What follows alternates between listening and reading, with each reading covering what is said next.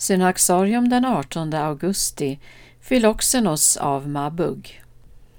Åren efter det berömda ekumeniska konciliet i Kalsedon 451 var en stormig period i den syriska kyrkan. Det var under denna tid Philoxenos, bördig från byn Tahal öster om Tigris, där han växte upp i en armeisk kristen familj, blev biskop i Mabug i Syrien. Under hans ledarskap blev staden ett centrum för motståndet mot Kalsedons kristologi. Hjärtat i den kristna tron var för Filoxenos övertygelsen att Gud hade blivit människa för att människan skulle bli gudomliggjord, en vision som i hans ögon krympte genom Kalsedons formuleringar om Kristi två naturer. Filoxenos drogs tidigt till den monastiska rörelsen, attraherad av munkarnas liv som ett liv i anden. Klosterlivet blomstrade i den syriska kristenheten vid denna tid och hade utpräglat karismatiska drag. Det är framför allt, menade Filoxenos, bland munkarna som Andens gåvor kommer till uttryck. Innan han år 485 utnämndes till biskop levde han själv som eremit. Filoxenos av Mabug är en av Andens stora teologer i den tidiga kyrkan.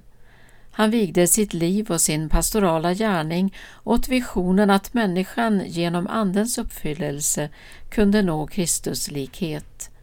Genom sina skrifter och i sin förkunnelse uppmanade han människor att identifiera sig med Kristus, framför allt på den lidande kärlekens väg.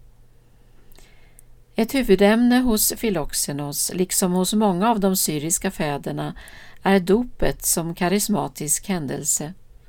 Han talar om nödvändigheten av ett andra dop, om förhållandet mellan den personliga erfarenheten av pingsten och själva dopakten. Även om den helige Ande ges i dopet kan det ibland dröja länge innan Andens gåvor blir förlösta i den döptes liv. Men vad Filoxenos kallar det andra dopet innebär inget nytt dop. Det är en aktualisering och ett förverkligande av den nåd som mottogs i det första dopet. Han skriver Vårt dop är den helige Ande. Under Justinus den förstes tid som kejsare blev Filoxenos år 519 avsatt som biskop för sin ovilja att acceptera de kristologiska formuleringarna från kyrkomötet i Kalsedon. Han förvisades först till Trakien och senare till Gangra där han mördades år 523. Han vördas den 18 augusti som martyr i den syriska kyrkan.